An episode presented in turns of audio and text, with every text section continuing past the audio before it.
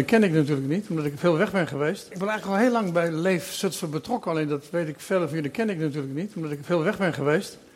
Maar uh, ik weet niet hoeveel jaar geleden, ik denk 2004 of zo, hebben we, hadden we aan de notaris gevraagd wat kost het om een kerk op te richten.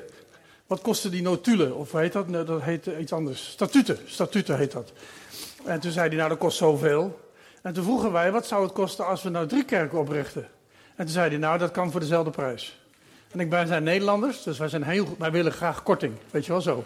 Dus uh, ik zei, dus dat is dezelfde prijs als we drie kerken oprichten. Dus dan hebben we Leef Doetinchem, Leef Zutphen en uh, even kijken, Berea Nijmegen opgericht. En jou, jouw broer was erbij, Wilke van der Kamp, Aukje, Romy, mijn vrouw, uh, Feiko en Annemiek en nog twee mensen uit Nijmegen. Petra en haar man, daar ben ik de naam van kwijt. En toen ik vanmorgen hier naartoe reed, toen dacht ik, eigenlijk ben ik al heel lang bij Leef Zutphen betrokken. Want de notaris zei toen van, Leef Zutphen is nu een feit. Alleen toen hadden we nog geen mensen, we hadden niemand die piano kon spelen. We hadden nog geen liederen, we hadden alleen een naam. En we hadden statuten. Kijk eens even. Twintig jaar verder zijn we en we hebben mensen, we hebben muziek, we hebben avondmaal. We hebben een gemeenschap der heiligen. Mooi hè? En uh, Leef Doetinchem doet het ook nog steeds. Daar is mijn zoon erg bij betrokken. Ik ben zelf deel van Mozaïek in Venendaal, een van de voorgangers daar. En uh, mag vandaag in jullie midden wat delen. En een van de dingen die ik wil delen heeft iets te maken met een nieuwe naam. Vriend van God. En dat moet ik even de voorgeschiedenis vertellen. Toen ik zendeling was, ik ben zendeling geweest in drie verschillende landen. Papua Nieuw-Guinea, Oezbekistan, bij Afghanistan en Curaçao. En in die landen was ik, was ik betrokken bij het Bijbelvertaalwerk. Dus het werk waar de, onze Bijbel vertalen in de taal van de mensen waar je bij woont. En dan kan je denken, zijn dat grote talen? Nee, in Papua waren dat soms maar talen van. Uh, ik, zie mijn broer zitten daar, ook een halve Papua. Dus uh, die weet ongeveer wat voor talen er gesproken worden. 700 talen in één gedeelte van het land. Dus als je dan de Bijbel vertaalt, dan heb je een enorme klus. Want als je klaar bent, moet je met de volgende taal beginnen. En dat waren talen van rond de 100.000 mensen of 200.000 mensen. En Wycliffe, waar wij deel van zijn, die vond dat de moeite waard. Want in de Bijbel staat dat uit elke volk en stam zullen ze staan voor zijn troon. Dus ook stammen van 100.000. Dan kan zeggen, is dat wel moeite? 20 jaar werken in een stam voor 100.000 mensen? Dat is meer dan de moeite waard. Het heeft te maken met de wederkomst van Christus. Want er staat in de Bijbel dat als het donker wordt, ik zou zeggen, en de besmettingen nemen toe, dan hoeven we niet bang te zijn, want dat is niet het einde. Er staat namelijk, het einde is daar pas als de Heer Jezus, als het woord van God tot aan de uiteinde van de aarde verspreid is. Dus het is niet slecht nieuws als die komt, het is juist goed nieuws dat die komt. Dat is een wereld van verschil. Want anders kan je bij elke ramp die er gebeurt ergens, kan je denken, nou, het gaat niet goed. Nou, het gaat inderdaad de kant op dat die gauw terug gaat komen, daar geloof ik in. Maar het heeft te maken met de verspreiding van het evangelie. Het heeft te maken met iets positiefs en niet met iets negatiefs. En in, een van die landen, vooral in Oezbekistan, daar was ik deel van het Bijbelvertaalteam. En een van de broeders die zei op een gegeven moment tegen mij, en dat is echt een beetje de inleiding van de preek. Ik probeer allebei de kant op te kijken, maar goed. Uh, uh, die zei op een gegeven moment tegen mij, Kees, wat betekent jouw naam? Ik zei, ik heet Cornelis Willem. Uh, want mijn vader die heette Willem en zijn vader heette Cornelis, dus ik heet Cornelis Willem. En hij zei, en jouw zoon, hoe heet die? Ik zeg, die heet Robert Willem. Weet je wel? Dus je gaat gewoon door met de, met de naam. Hè? Die gaat door naar de volgende generatie. En ik zei, nou, als die een, een, kind krijgt, dan was toen nog geen sprake van, nu wel. Toen dacht ik, misschien gaat hij wel Cornelis heten. Nou, dat is niet gebeurd. Dat is maar goed ook. Je wil dat kind die naam niet aandoen, hè. Maar goed, uh, hij zei, maar wat betekent nou Cornelis? Hij vond, hij vond Cornelis zo'n bijzondere naam. Ik zeg, Cornelis betekent eigenlijk helemaal niks. Het is gewoon, zo heette mijn vader en zo heette mijn opa. Ik ben vernoemd naar mijn familie. Maar hij zegt, er moet toch een betekenis zitten in jouw naam? Ik zeg, nee. En dat snapte zij niet. In hun cultuur, in hun land, in hun gewoonte heeft elke naam een betekenis. En als zij, toen zij moslim waren en nog de Jezus niet kenden als een heiland en verlosser, hadden ze een bepaalde naam. Maar toen ze tot geloof kwamen, kwam daar, een, kwam daar iets bij. Kwam er een, mooiere naam. Dus ik zei tegen de broeders, als jullie behoefte hebben om mij een nieuwe naam te geven, ik luister graag. Dus op een gegeven moment kwamen ze op de... We hadden, we hadden dus geen kerk in Oezbekistan, want dat mocht niet. We hadden een sauna. En die sauna die huurden we. En die stuurden we die dames die de sauna runden, stuurden we naar huis. Die gaven we dan 10 dollar. En dan zeiden we, mogen wij de sleutels van de sauna? Want dan konden we hoe zeg je dat, op een open manier bidden en aanbidden. Want die dames konden dan niks vertellen tegen de geheime politie. Dus dat kon niet. Dus wij, hadden, hadden een ondergrondse kerk. Maar die kwam dan eventjes boven het water uit, als je zo mag zeggen. In de sauna, met alleen maar mannen. Ik hoor dat jullie mannen uh, kampvuren houden. Uh, dat is een goede start. Uh, mannen sauna is ook een prima start. Maar wij hadden de mannen sauna. Dat was een kerk zonder kleren aan, als je begrijpt wat ik bedoel. En, uh, even wennen. Moest de eerste keer dat ik dacht van ik hou mijn zwembroek aan. Toen zei ze, nou niemand heeft hier een zwembroek aan. Ik zei oké, dan inderdaad.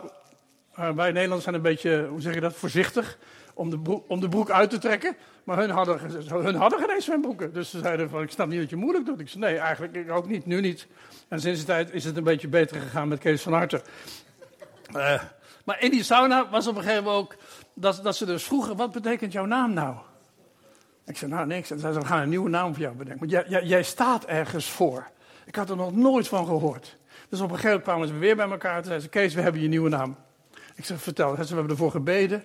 En de Heilige Geest heeft tegen ons gesteld, jij heet van de nu af aan Kabbel Jonneke. Dat klinkt een beetje als uh, kabeljauw, weet je wel. En ik vond het een beetje als kibbeling klinken, de eerste keer toen ik het hoorde. Ik zeg, kabbeljonneke, wat betekent dat dan? Toen zeiden ze, dat betekent, je bent betrouwbaar, je bent eerlijk, je bent godsvrezend. Ik heb er zo aan moeten wennen, want ik werkte overdag in het ziekenhuis, zoals de meeste van mijn collega's. Want we konden daar niet openlijk Bijbel vertalen, dus we werkten in het ziekenhuis. En in het ziekenhuis op de gangen werd wel eens geroepen, hé, hey, Kabbeljonneke. En dan dacht ik, over wie hebben ze het nou, weet je wel. Ik moest er een beetje aan wennen dat die naam bij mij paste. Maar na een tijdje begon ik eraan te wennen. En niet zozeer aan de naam, maar wel aan de inhoud, aan de betekenis van de naam. Toen dacht ik, als dat van ons verteld wordt, broeders en zusters, betrouwbaar, degelijk, godsvrezend. Ik zei, hoe komen jullie erbij? Toen zei ze, nou, je hebt maar één vrouw.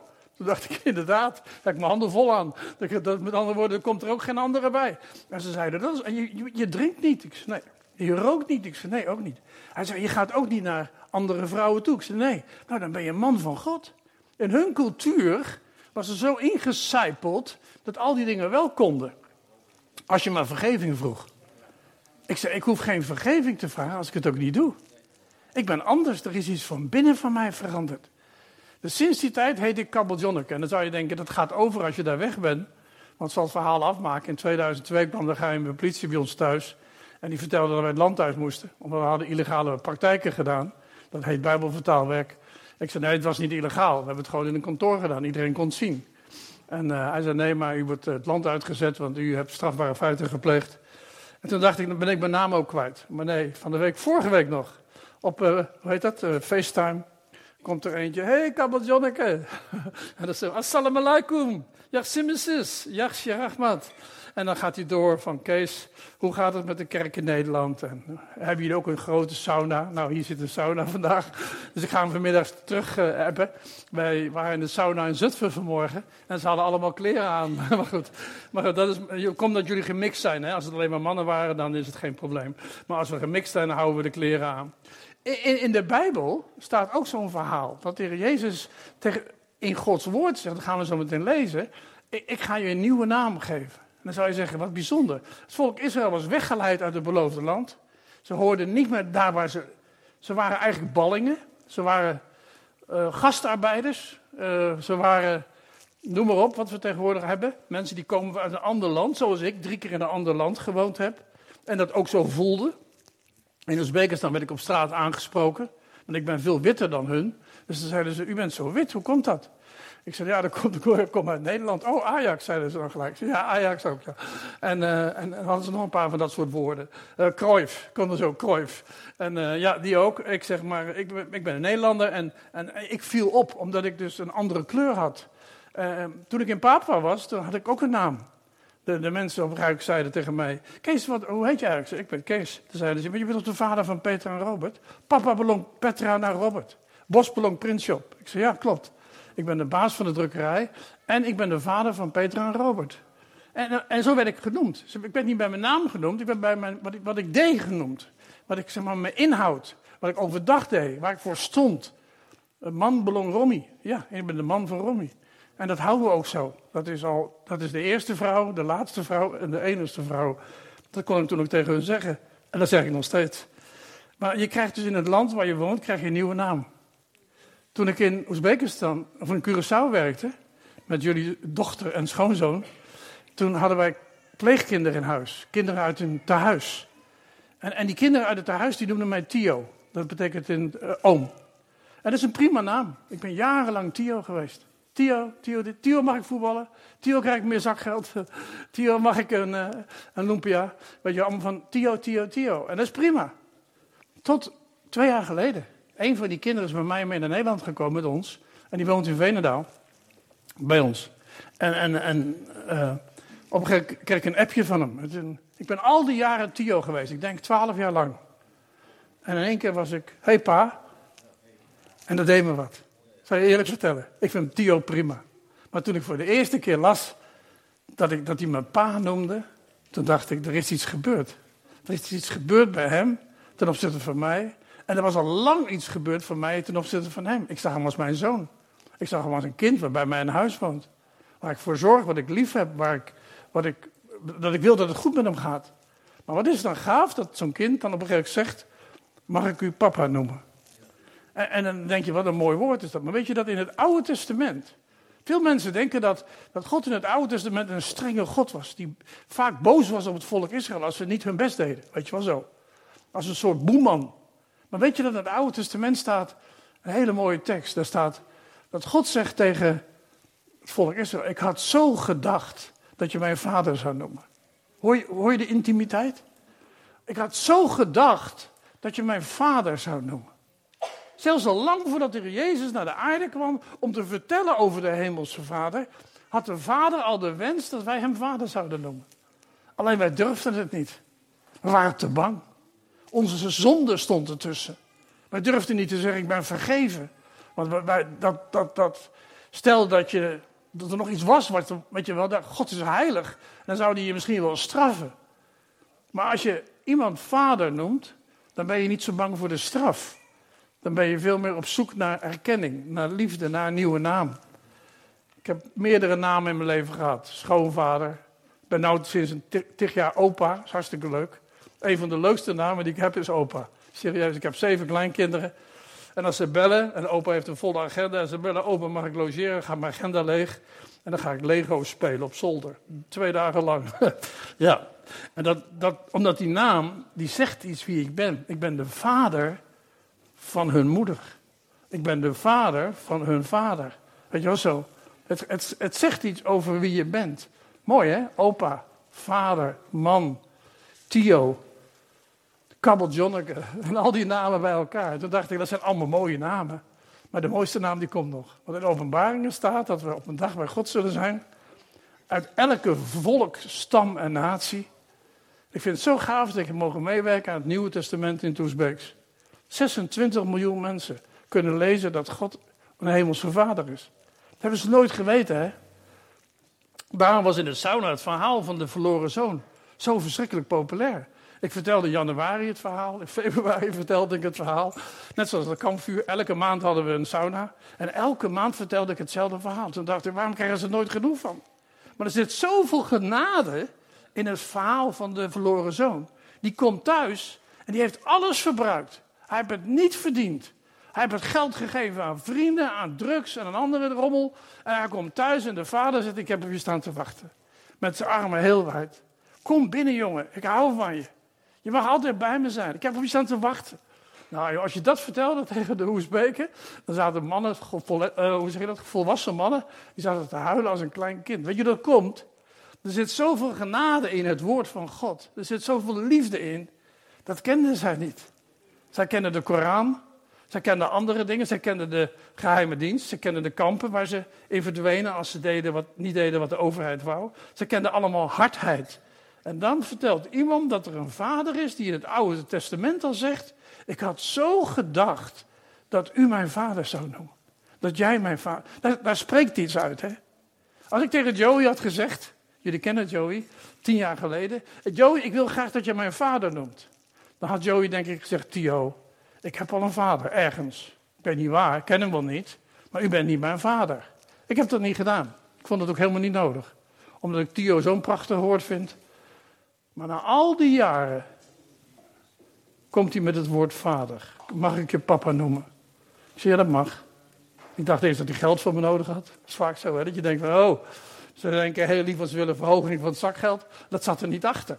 Het, was, het heeft te maken met identiteit, met wie je bent. En, en in de Bijbel staat zo'n tekst, die gaan we zo meteen lezen in Jezaja. En ik heb hem vertaald vanuit het Engels. Ik vind hem mooier uit het Engels. Jezaja 62 vers 4. Daar staat, ik zal je, ik met hoofdletters hè, ik zal je nieuwe naam geven. Je zult niet langer gewond heten, verworpen, eenzaam of bang. Ik zal je nieuwe naam geven. En je nieuwe naam zal zijn vertrouwen, vreugde, overwinnaar, vol geloof, vriend van God die zijn aangezicht zoekt.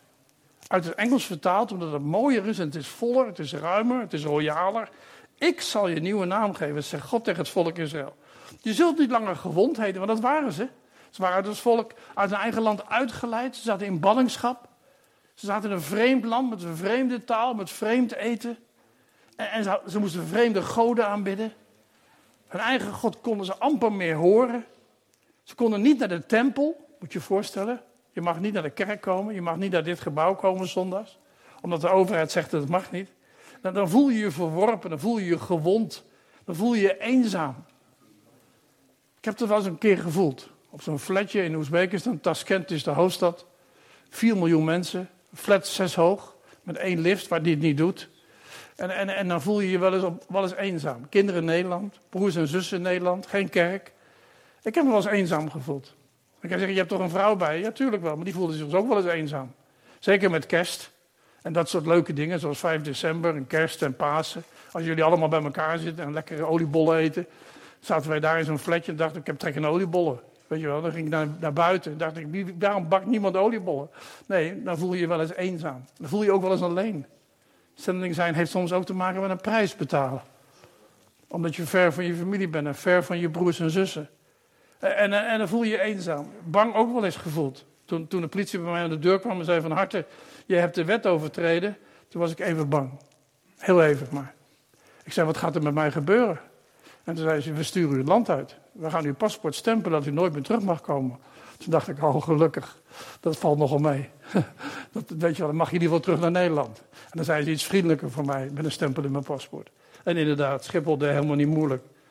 En dan staat ik zal je nieuwe naam geven. En, en je nieuwe naam zal zijn vertrouwen, vreugde, overwinnaar, vol geloof. We hebben net het avondmaal gebruikt.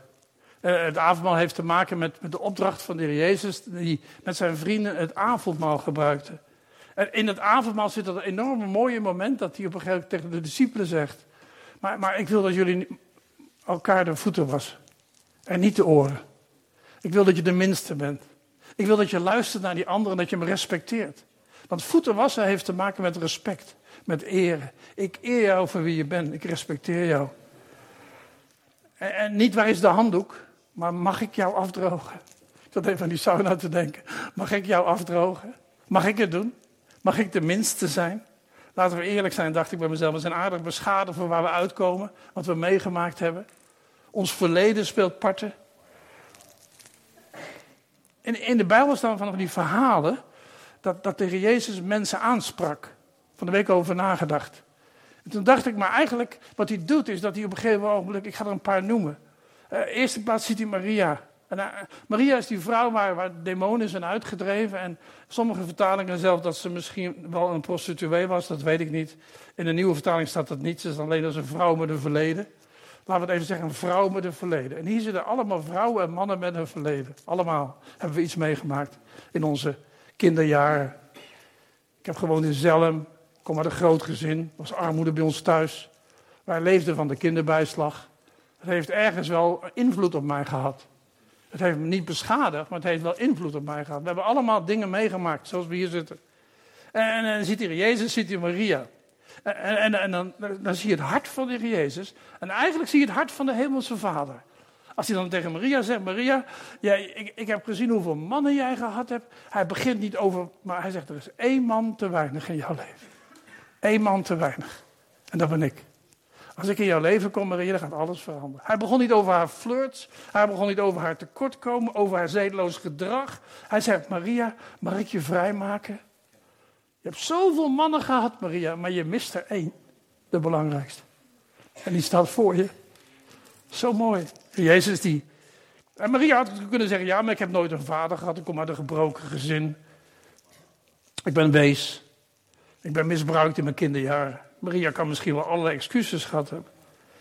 En dan zegt de Jezus tegen haar, Maria, ik geef je een nieuwe naam. Ik geef je een nieuwe identiteit. Ik, ik, ik, Maria, hoe heette je vroeger? Maria de vrouw met een verleden. Dan ga ik je nu een nieuwe, naam geven, Maria. Je bent een vrouw met een toekomst. Mooi, hè? Tweede, vind ik heel mooi. En, en toen ik deze verhalen van de week las, dan dacht ik... De Jezus is natuurlijk zijn team aan het verzamelen. Toen wij Leef Zutsver oprichten, zat er een secretaris, een voorzitter en een penningmeester. Dat hoort zo. Je hoort in een vereniging, in een kerk, hoor je een soort van bestuur te hebben die de kerk runt. Dus de notaris vroeg, dus we hebben Wilken volgens mij voorzitter gemaakt, jouw broer. En e-, eentje was penningmeester, dat was Feiko geloof ik, en ik was secretaris. dat moest vanwege de statuten.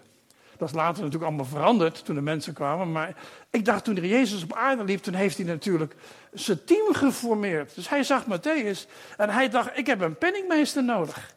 Ik heb een penningmeester, iemand die bij mij in de club komt, een discipel. Zodat hij, maar nee, nee Matthäus werkte bij het belastingkantoor. Hè? Matthäus die was bekend bij de, bij, de, bij de Joden, want Matthäus was een Jood. Maar hij werkte voor de Romeinen. Is een heel klein beetje vergelijkbaar met een NSB'er in 1940, 45. Je zou maar kind van een NSB'er zijn. Ik ben kind van een verzetstrijder. En ik heb een keer in een kerk in, in Duitsland gepraat met een um, zoon van een SS'er was dat. Dat is misschien eigenlijk nog net zo erg in onze ogen. Maar, maar ik heb ook eens met een zoon van een NSB'er gepraat. die zich schaamde voor het verleden van zijn vader. En hij zei: Kees, als ik jouw verhaal hoor, trots jij bent op je vader. dan snap ik dat jij zijn naam wilt dragen. Cornelis Willem. Want jouw vader stond ergens voor. Maar mijn vader die stond ergens voor en is die in 40, 45 kwijtgeraakt. Ik ben mijn identiteit. Ik schaam me voor wie ik ben. Het was een klein dorpje hier iets meer naar het zuiden. Hij schaamde zich voor het verleden van zijn vader. Jezus zag Matthäus en, hij had niet het idee dat hij een penningmeester nodig had. De penningmeester had Jezus nodig. Zie je het verschil? Matthäus, Matthäus die had zoveel, maar hij had iets niet. Hij had geen naam. En hij zei, Matthäus, hoe heet jij? Hij zei, ik ben Matthäus de tollenaar. Ik ben Matthäus degene die voor de Belastingdienst werkt. Ik ben Matthäus degene die met de Romeinen werkt. Zegt hij, Matthäus, Matthäus, ik ga je een nieuwe naam geven. Ik ga je naam veranderen meteen. Ik ga je identiteit veranderen. Mooi verhaal. Vind ik een mooi verhaal. Is de rijke jongeling. De rijke jongeling. Die jongen die, die bij de Heer Jezus komt. En, en, en de rijke jongeling die, die. Toen Heer Jezus hem zag, toen dacht hij niet. Nou, met zijn inkomsten kan ik gewoon 5000 mensen te eten geven. Ik zie hem als een grote sponsor. Weet je wat? Ik wil hem wel bij mijn club hebben. Want dan, kan die, dan kunnen we samen brood kopen bij de HEMA. En dan gaan we dat uitdelen aan de armen van Zutphen. Nee, de Jezus zag de rijke jongeling. Er staat, hij was met ontferming over hem bewogen. Hij zag de rijke jongeling. Hij, hij zag niet het geld. Hij zag niet de, alle kinderen die hij zou kunnen sponsoren met compassion. Allemaal goede dingen hoor, niks mis mee. Hij zag een rijke jongeling die heel arm was. Omdat hij niet wist wie hij werkelijk was. En de Jezus zei, alles wat je hebt, je rijkdom, geef het weg aan de armen. En volg mij. En dan staat er dit bijzondere woord. Dat, hij kon dat niet. Hij zat vast aan wat hij had. Hij kon dat niet loslaten. Ik denk dat hij ernaar verlangde. Maar hij kon het niet. Zacchaeus, prachtig verhaal. Jezus loopt onder die boom door, je kent allemaal het verhaal. Klein mannetje in de boom heb ik erbij geschreven. En Zacchaeus die zat bovenin en Zacchaeus die dacht hier beneden, hoeven ze mij niet te zien. Ik hoor er niet bij, want het is te lastig. Mijn verleden, mijn afkomst, het werk wat ik doe. Ik kan beter maar achter de bladeren schuilen. Dat was waarschijnlijk geen herfst, anders was het te veel opgevallen. En de Jezus loopt onder de boom door, staat er in een vertaling. En hij kijkt omhoog en hij zegt, Zacchaeus, niet Zacchaeus, je bent een verlakker. Zacchaeus, ik ken jouw verleden. Zacchaeus, je moet je schamen, je moet je bekeren, jongen. Weet je wel, zo, dat zouden wij misschien gedacht hebben. Weet je wel, omhoog roepen naar de boom en zeggen, je moet je bekeren man, kap ermee. Zo, misschien had hij gelijk. Had hij kunnen doen? Nee. Hij loopt langs en hij zegt, Gees, zullen we vanmiddag samen croissants eten? Heb je oliebollen thuis, zeg eens? Zoiets, kan ik me zo voorstellen. Proef je het verschil? een van de mooiste vind ik Petrus. Doen wij dat meer. Hij vroeg aan hun, heb je nog wat vis? Toen zei Petrus, maar we hebben niks gevangen. En, en dan zitten ze met het kampvuur en op een gegeven moment is er wel vis. Heel bijzonder verhaal. En dan komt Petrus. En, en dan begint hij niet over Petrus, over het verleden van Petrus. Wat, wat was er nou in de hand in Gethsemane? Petrus, wat heb je nou gedaan? Je hebt al een zootje van gemaakt, Petrus. Drie keer heb je gezegd dat je me niet kende. Niks, niks van dat. Hij zegt, Petrus, hou je van me? Petrus, hou je van me? En Petrus zegt, u weet toch dat ik van u hou? Zorg voor de schapen, Petrus. Petrus, hou je echt van me? Petrus, wijd de lammeren. Dat zijn de kinderen van de schapen. Zorg voor de kinderen van de zonderschool, dacht ik wel eens. Zorg voor de volwassen mensen. Petrus, heb je me echt lief? Petrus had natuurlijk een naam. Dat hij dacht van ja, ik klink niet zo betrouwbaar. En Jezus zei tegen Petrus, Petrus, ik ga je een nieuwe naam geven. Kijk maar verder in het Nieuwe Testament. Petrus heeft boeken geschreven. Daar heeft hij die oude identiteit van zich afgeworpen. En heeft hij een nieuwe identiteit aangenomen. Hij heette vroeger Cornelis of Petrus. En nu heet hij op een gegeven moment Peter. Hij wordt sterk, hij wordt krachtig. Hij doopt, hij schrijft, hij wordt evangelist. Hij gaat naar andere landen. Hij vertelt het woord van God. Hij wordt gezien als een van de discipelen die de Jezus heel hard nodig had. Toen zag hij jou en mij, dacht ik. En, en toen zag hij jou en u en u en u. En, en toen zag hij niet uw verleden of dat wat u verkeerd gedaan hebt, maar hij zag u met wat je mag worden. Met wat je komt te zijn. Wat nog in de toekomst ligt. Dan zou je zeggen, wanneer is dat dan, Kees? Dat, weet ik niet. Maar één ding weet ik wel, dat er in de openbaringen staat dat zij die volhouden, die vasthouden aan die belofte, dat de Jezus terug gaat komen, die hun hart aan de Jezus hebben gegeven. En dat vond ik zo mooi in de sauna in Oezbekistan. Elke maand hadden wij die sauna, op een avond altijd.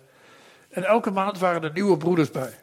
En de ene broer die bracht zijn broer mee, de andere bracht zijn neef mee. En daardoor moest ik steeds hetzelfde verhaal vertellen, want er waren steeds nieuwe mensen. En elke keer hetzelfde verhaal van de verloren zoon. Maar de verloren zoon heeft natuurlijk met een namensverandering te maken. Wij noemen het de verloren zoon.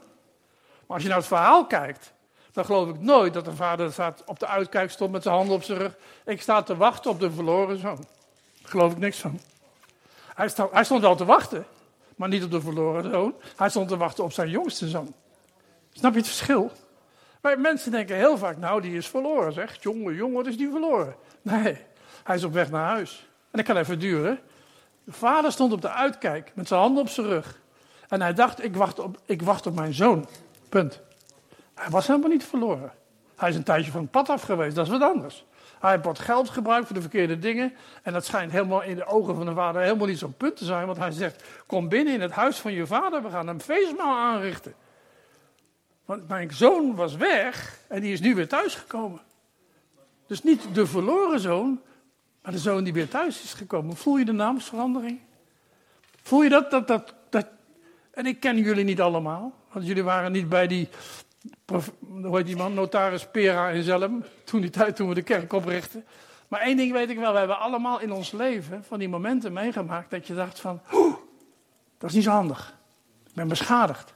Soms door mensen, soms door kerken, zelfs door de maatschappij, soms door overheden en soms door ons eigen gedrag. En er kan zo'n part spelen tussen ons dat je zegt, ik geloof het haast niet dat, dat, dat, dat hij mij een nieuwe naam geeft. En toen dacht ik, ja, dat is toch zo. Ik zal je nieuwe naam geven. Dat, dat, is niet Kees van Harte, dat, dat is God zelf. Je zult niet langer gewond heten, verworpen, eenzaam of bang. Ik zal je nieuwe naam geven. En je nieuwe naam zal zijn vertrouwen. Dat is wat die broeders hier deden in Oezbekistan. Vertrouwen vreugde, overwinnaar, vol geloof, vriend van God die zijn aangezicht zoekt. Vertrouwen in plaats van, in plaats van niet, niet vertrouwen in jezelf, maar vertrouwen in Hem. Vreugde in plaats van depressie, dacht ik. Of bang zijn. Overwinnaar. Over, over de verloren strijd en over je eigen fouten. Ongeloof, vol geloof. Hoor je het verschil? Ongeloof of vol geloof? De ene kant zeg je, nou ik geloof het echt niet. Het kan gewoon niet waar zijn. It's too good to be true. Het, het goede nieuws, dat God zoveel van u en mij houdt. Dat hij zegt, ik, die, die, oude naam die, die is oké, maar ik ga je een nieuwe naam, ik ga het overschrijven. En, en nog wel op je voorhoofd. Staat in de openbaringen. En ik heb er wel eens op, over gedroomd. Dat ik op, op een dag, ben een keer heel ziek geweest, was een paar minuten geleden, ik had uh, malaria. En ik had geelzucht. En, en, de arts die zei, dat gaat niet goed, gaat, gaat, gaat de verkeerde kant op. En dat voelde ik ook in mijn lichaam. En, en toen droomde ik s'nachts en dat kwam natuurlijk door de koorts. Ik had er iets van 40, 2 of zo. En uh, ik, ik, weet zeker dat ik droomde. En ik, ik, was niet werkelijkheid, maar ik droomde gewoon dat ik al bij de Heer Jezus was. Zo ziek was ik. Totdat er een of een grote zwarte broeder kwam, een, een verpleegkundige, die een spuit in mijn bil zette en, en, penicilline erin spoot. En met een paar dagen was ik weer beter. Maar voordat ik die spuit kreeg van die verpleegkundige, droomde ik over de hemel. En natuurlijk kwam dat door de koorts. En, en ik droomde dat, dat, ik, dat ik de hemel binnenliep en, en dat iemand zei, hé, hey, dat is Kees van Harten. En dat ik uiteindelijk bij Heer Jezus kwam. En dat hij zei, Kees, ik, ik ken jou. Ik heb je wel gezien. Ik ken je verleden. Maar ik ga je een nieuwe naam geven, Kees. En jouw naam is niet meer Cornelis Willem. Ik ga je een nieuwe naam. En niemand kent die naam. Ik nog niet. En, en, en ik heb het ook niet kunnen zien. Ik weet het niet. Eén ding weet ik wel. Gods woord belooft. Ik zal je nieuwe naam geven. Het koninkrijk van God is daarbij gekomen. Vriend van God. Niet vriend van de wereld. We leven wel in deze wereld. Maar ik ben niet van deze wereld. Dat is een wereld van verschil. Ik leef, niet, ik leef wel in de wereld, maar ik ben niet van de wereld. Hoor je het verschil? Ik, ik weet niet precies hoe, maar het koninkrijk van God is zo nabij gekomen. We moeten ernst maken met zijn terugkomst. Ik zou zeggen, de wereld is in beweging. Er werd erbij geschreven, honger, virussen, aardbevingen, presidenten die ongeloofwaardig verliezen. Binnen het koninkrijk van God heerst er vrede. Oorlog erbuiten. En wij leven op de grens, dacht ik van de week. De grens van, we zien aan de ene kant wat God heeft beloofd. Aan de andere kant zien we wat we hier niet en wel mogen. En alles wat ertussen komt. En als je dan naar jezelf kijkt, dan denk je, ja, maar dat kan ik toch nooit. Dan zegt hij, nee. Maar daar wil ik mee eindigen vandaag. God heeft u gezien. Hij kent uw situatie. Hij weet precies wat uw oude naam is. Ik niet. Dat hoeft ook helemaal niet. Maar hij zegt, ik, dat woord wou ik je meegeven vandaag. Ik ga je nieuwe naam geven. Ik ga met jullie mee.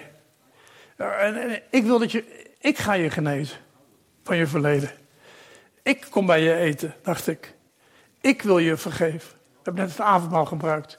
Dat was een prachtig symbool van gehoorzaamheid aan Gods woord, maar ook het, tot vergeving van zonde. Want we gedenken het offer van de Heer Jezus. Toen hij aan het kruis zijn armen zo wijd deed, dat hij zei, er is ruimte in mijn huis. Er is ruimte bij mijn vader. Ik vergeef je. De Heer Jezus komt vandaag bij je langs, dacht ik. Hij praat je uit de boom. Hij komt niet met je tekortkomen en hij zegt niet, maar hij zegt alleen maar, heb je oliebollen en croissants? Dan kom ik bij je eten. Op die manier. Mag hij dicht bij je komen in je huis, in je hart, in, in de dingen die we doen. En dan heb ik het niet over vandaag, ik heb het over de hele week die voor ons ligt. Dat je mag weten, ik ben een kind van God. Ik, ik heb een nieuwe naam gekregen. Ik heb een nieuwe identiteit gekregen. Ik ben niet langer de verlatene. Ik ben niet langer de eenzame. Ik ben niet langer de bange. En, als dat gevoel toch naar boven komt, dan is dat heel natuurlijk, heel menselijk mag je voor bidden. Heer, wilt u komen? Uw belofte staan in Jezaja. Uw belofte staat in Jezaja 62. Ik wil niet langer, ik wil graag een nieuwe naam. Ik wil niet langer gewond heten. Ik wil niet verworpen of eenzaam of bang zijn. Ik heb zo nodig die nieuwe naam. En, en die nieuwe naam die zal zijn vertrouwen. Ik wil vertrouwen op u. Ik heb die vreugde van het koninkrijk nodig. Ik wil graag overwinnaar zijn. Vol geloof. Vriend van God. Die zijn aangezicht zoekt. Amen. Dank u wel, Heer Jezus, dat u naar de aarde bent gekomen om ons te vertellen over de Hemelse Vader. En toen u hier op aarde liep, toen had u allerlei mensen gezien, zoals wij. En, en die mensen hadden allemaal iets met hun naam. Een verleden, tekortkoming hier en daar, en misschien zelfs wel zonde. Dingen die gewoon niet goed waren. Een paar bij die waren verraders, een paar bij die hebben u verlogend. Een paar bij zoals ik, die hebben gezegd, ik ken u niet. Maar dank u wel dat u gekomen bent bij een vuurtje en bij een boom. Heer, en toen u ze zag, toen zag u niet dat u ze nodig had, maar u zag dat wij u nodig hadden. En er zitten hier misschien wel honderd mensen vandaag die allemaal een verleden hebben, allemaal iets meegemaakt hebben.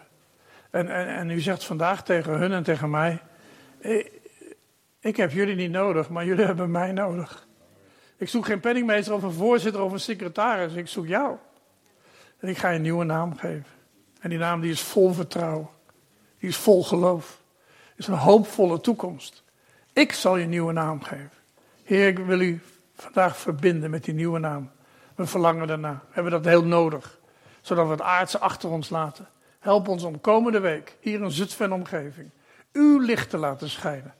Op de plek waar we wonen. Zo wil ik u danken voor uw woord.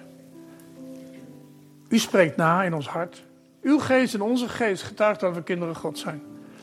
En dat we niet langer heten verworpen. Maar we zijn geliefd door de Hemelse Vader. U zelf heeft ons lief. Dank u wel, Heer Jezus. Dank u, trouwe Vader, voor uw liefde. Door uw woord verspreid, eeuwenlang. En vandaag hier in Zutphen gesproken. In Jezus' naam. Amen.